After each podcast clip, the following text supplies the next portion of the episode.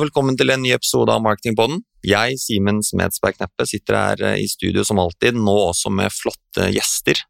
Eh, I dag skal vi snakke om eh, noe som har blitt snakket utrolig mye om, kanskje spesielt det siste året, nemlig AI.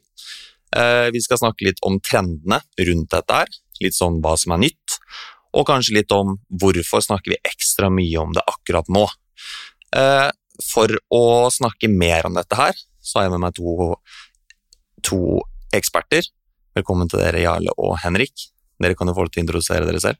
Tusen takk. Jeg heter Jarle Alvheim og er Head of Data Technology i Densu. Uh, og En av de rollene jeg har der, er jo å lede faggruppa vi har på AI. Eh, og Det er jo den egenskapen jeg er her i dag. Velkommen. Takk. Hei. Uh, Henrik Birkeland heter jeg. Jeg jobber som media lead i Densu X. jeg har jo en stor interesse for, for AI. veldig interessert i, i AI og fulgt med på utviklingen og vært Eh, med i, i, faggruppen internt i Densu. Um, og ja, eh, gleder meg til å snakke om, om AI i dag. Velkommen til dere begge.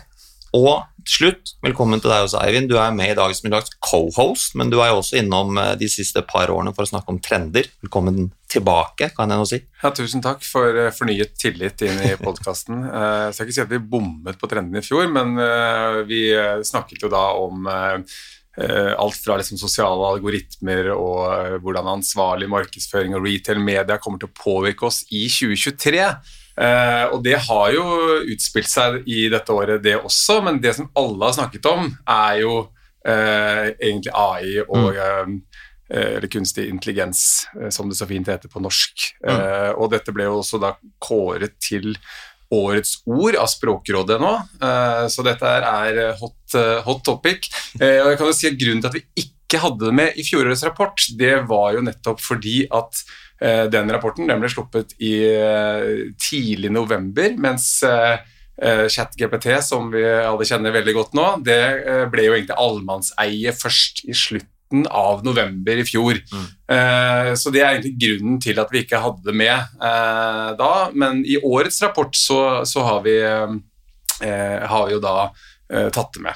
Så eh, jeg vet ikke om vi skal Nå har vi jo så fine eksperter her, Simen, så det hadde jo vært fint å høre kanskje litt fra dere.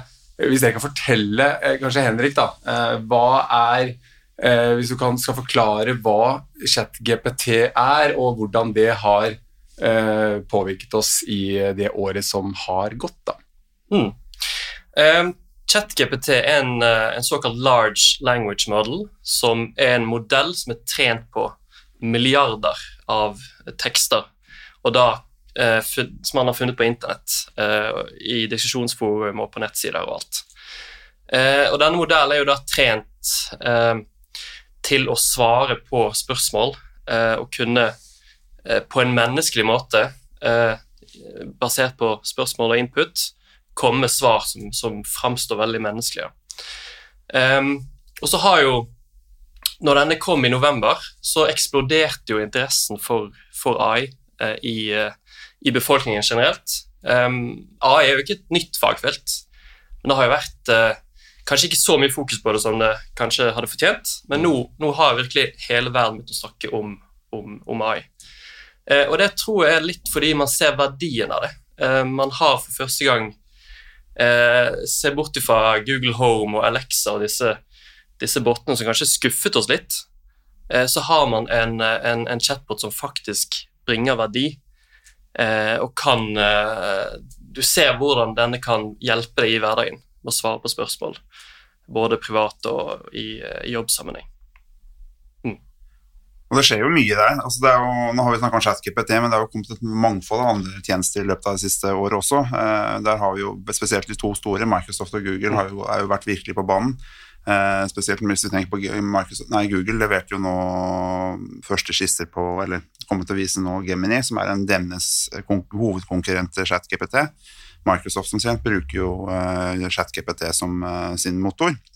Uh, så det er på den, den, den, delen er det ganske mye som skjer. Og så er det det grafiske, ikke minst, Henrik. Mm. Det er det som også du kjenner veldig mye til. Absolutt. Mm. Det har skjedd veldig mye. jeg har brukt en del generative AI til å lage bilder siden sommeren 2022. Så jeg har vært, vært inne i den, den verden der en, en, en, ganske god stund. Og den utviklingen man har sett, eksempelvis Midjourney, eh, og, og Dali 3 nå, eh, sist.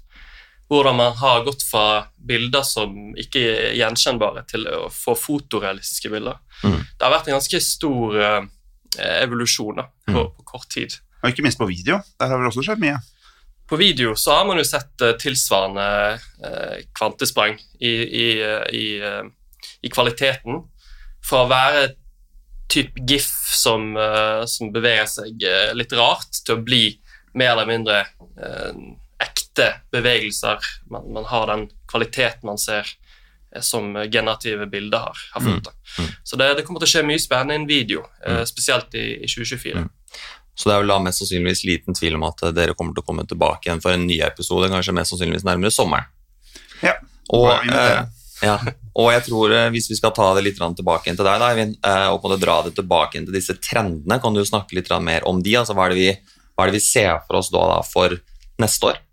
Ja, nå har du vært inne på litt av det allerede, men, men det som denne eh, trendrapporten til Densu for 2024 tar opp, det er jo liksom tre trender innenfor da generativ AI. og Det første handler om generative søk, og hvordan egentlig det vil transformere måten vi søker etter informasjon, og hvordan vi liksom samhandler med søkemotorene og eh, også merkevarer framover. Og vi har jo sett at Bing var jo tidligst ute med å integrere denne teknologien i sine søkemotorer, og så har jo eh, de kanskje ikke fått så store markedsandeler som man trodde kanskje var redd for at de skulle få, eh, eller Google var redd for at de skulle få, eh, for de har jo også gått inn og, eh, og, og gjort det samme. Men eh, det er jo interessant å høre litt fra dere, Jarle og Henrik, hva dere tenker eh, for Hvordan har dette egentlig utspilt seg i år? Det, har vi sett egentlig noen eh,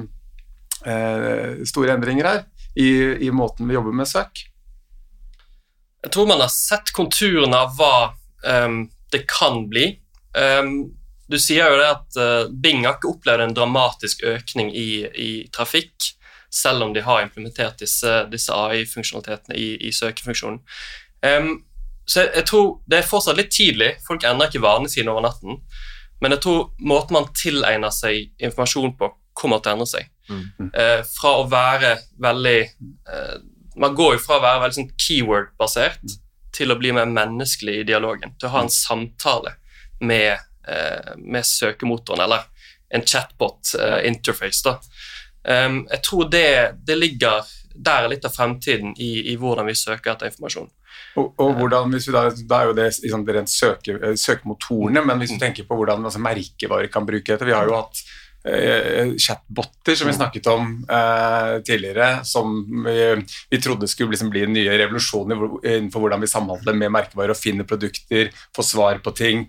Eh, dette har jo egentlig bare vært ganske irriterende, eh, for å være helt ærlig. Hvordan, har, eh, hvordan tror vi nå at dette med disse nye plug-inene, hvor, hvor man kan integrere dette ganske enkelt, vil det bety at chatboten kanskje får en ny renessanse, eller får gjenoppstår fra de døde? Jeg, jeg tror det. jeg tror det, fordi um, det er jo dette med den menneskelige samtalen. Mm. Chatbotene som man har i dag på, på nettbutikker, de er jo ofte veldig skjematisk lagt opp, så du må stille de riktige spørsmålene for å få svar. Og den kjører seg veldig fort fast, og det blir veldig mange frustrerte forbrukere ut av det. Så jeg tror når man får disse, eh, disse ChatGPT, eh, den, den smartnessen som ChatGPT har, implementert, har en menneskelig dialog, eh, da vil jo chatboten forstå i større grad hvor du vil hen, og den vil ha veldig mange flere veier til mål, da, kan du si. Mm. Så, så det tror jeg kommer til å eh, bli implementert i ganske stor skala fremover. Det er jo selvfølgelig noen utfordringer her også på det vi ikke ennå helt har sett. Det er jo som Henrik sier, det, Vi har bare sett konturene av hvordan søk kommer til å se ut fremover. Eh, og vi vet jo alle at våre, for våre kunder og for de fleste andre aktører i markedet, så er jo søkemotorannonsering en av de viktigste kanalene deres. Mm. Eh, og f.eks. Google, som ennå ikke har integrert sin AI-motor sammen med vanlig ordinært søk, så vet vi egentlig ikke hvordan annonser for eksempel, skal fungere. Hvordan skal du optimalisere med SEO mot, eh, mot eh, AI-motorer? Så hele det elementet der har store deler av usikkerhet i forhold til hvordan, vi kommer til å se, hvordan det kommer til å se ut i fremtiden. Mm. Eh, så, men jeg har helt tro på at vi kommer til å se, eh, sånn som Henrik, bare for å tilføye det Henrik sier, at vi kommer til å se på en måte våre egne søkemotorer som vi tilpasser for vår egen del. Eh, og hvis de av dere som har sett filmen med Jackin Phoenix med, som heter Her, hvor du på en måte får en personlig taleassistent som på en måte blir en venn og en del av en måte, hverdagen din, jeg tror ikke det er så veldig langt unna virkeligheten. Og det blir jo da ekstremt spennende å se hvordan egentlig disse eh, typen av ulike merkevarene da klarer å måte menneskeliggjøre eh, på en måte denne type teknologien for å, litt som du sa, Henrik, ikke være så eh, på det skjematisk lagt opp, men at man har mer følelse av at du faktisk snakker med noen som faktisk sitter der og svarer tilbake. Mm.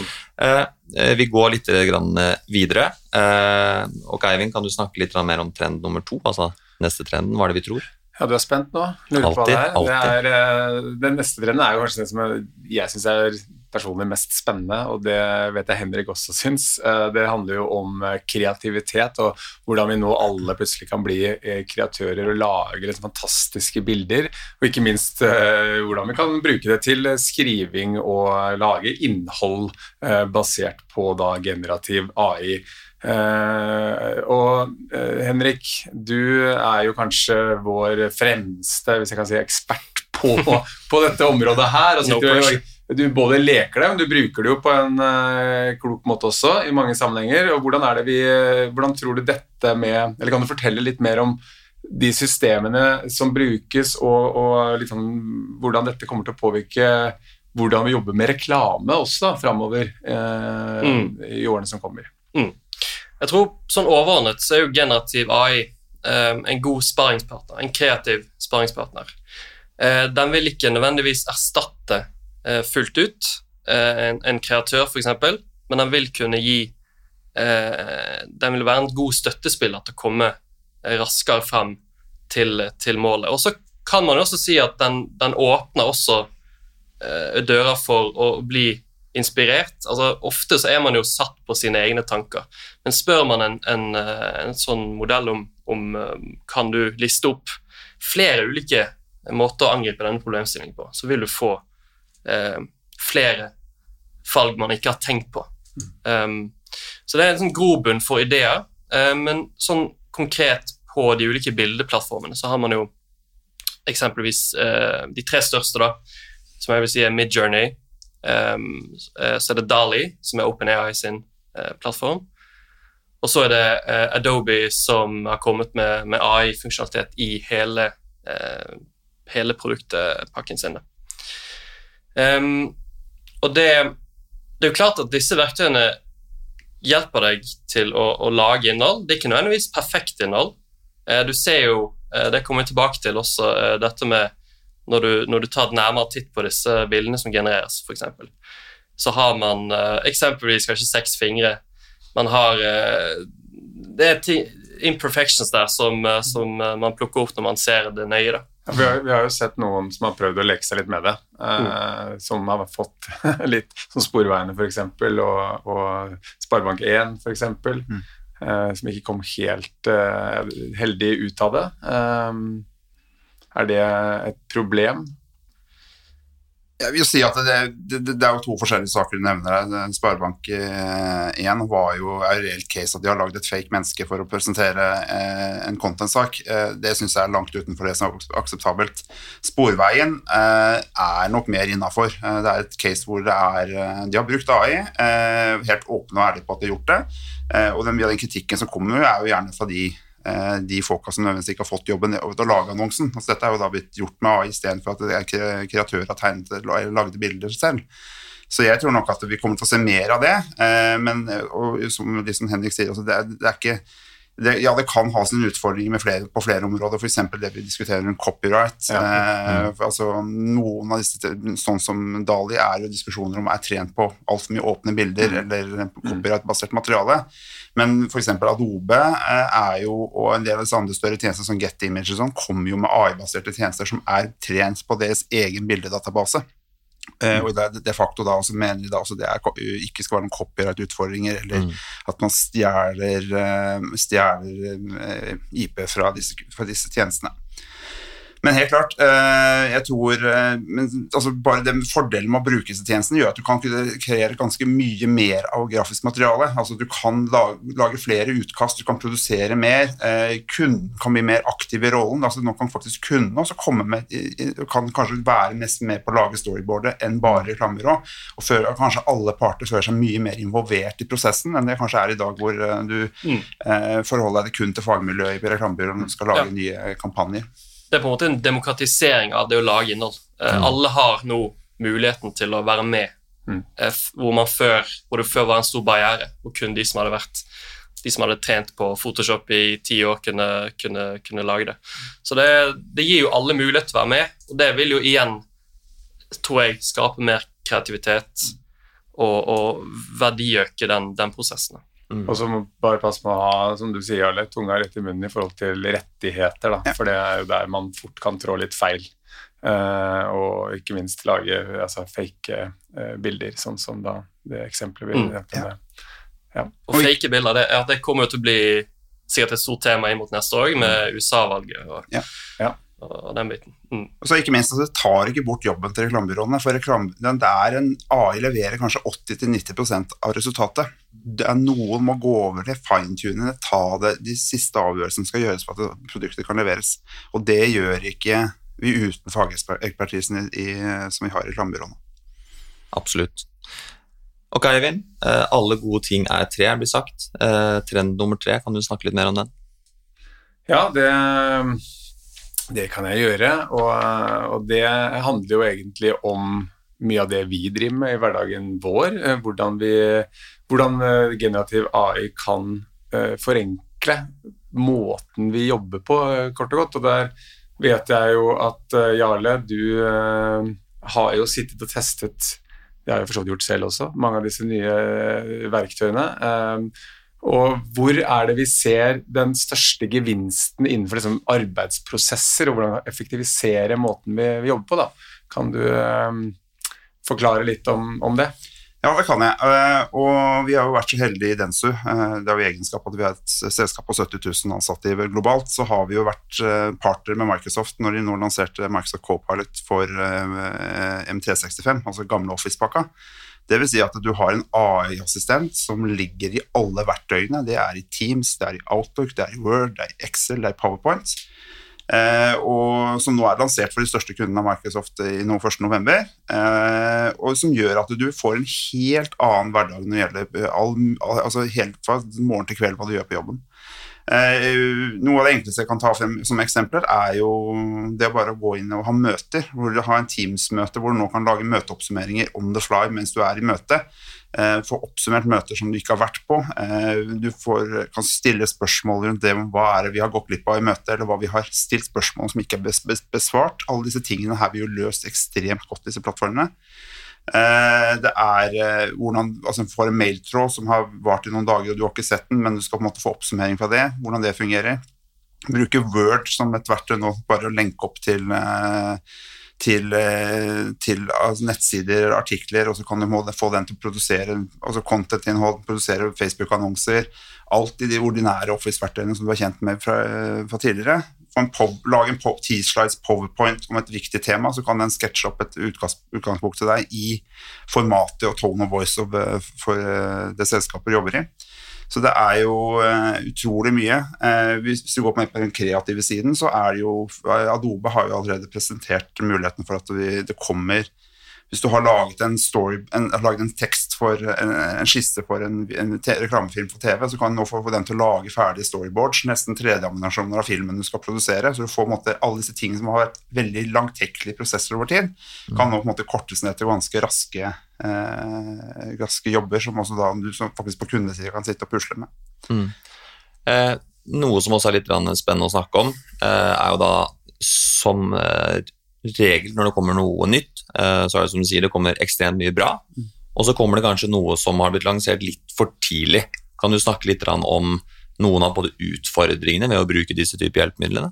Ja, det kan jeg. Eh, og det er jo ikke noe hemmelighet at disse, disse store aktørene de konkurrerer mot hverandre. Eh, og Google har jo lansert, lansert jo sitt konkurrentversjon som heter Duett AI, til sine Docs og Sheets og i Google-plattformen nå nå i tidligere høst. Veldig halvferdige produkter. Eh, Microsoft hadde vel ingen planer om å lansere Copilot før på nyåret, eh, men, egen, men som, som, en direkte konsekvens av at Google gjorde det, så lanserte de også 1.11. Og da ser vi at det er ikke, det er ikke ferdige produkter. Du kan jo til tider skjele til den der gode gamle bindersen fra, som noen husker fra slutten av 90-tallet, som de også prøvde seg på, hvor det er at tjenesten ikke fungerer, det går treigt. Eh, det største ankepunktet per, i dag også for Norge er at det ikke støtter norsk, eh, i hvert fall i veldig begrenset grad. Eh, og du har også disse klassiske tingene at den fortsatt har mulighet for å hallusinere. Den klarer ikke å prosessere store nok mengder data, så hvis du skal gjøre de type ting, så er det fortsatt ganske mange begrensninger som vi skulle gjerne hatt sett at de hadde løst før de lanserte sånn som de har gjort i dag. Mm.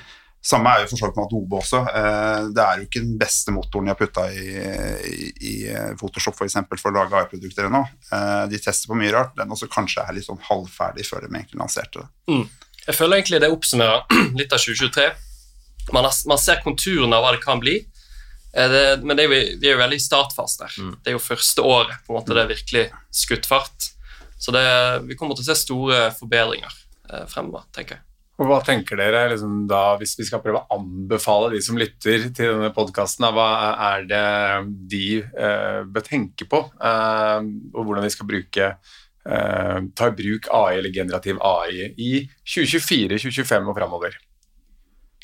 Jeg tror det er et sånn generelt tips. Bare begynn å ta det i bruk. Vær nysgjerrig på det. Um, ikke selvfølgelig del sensitiv data med åpne modeller, som, som ChatGPT er, eh, hvis ikke du har en sånn uh, sikker serverløsning som vi har.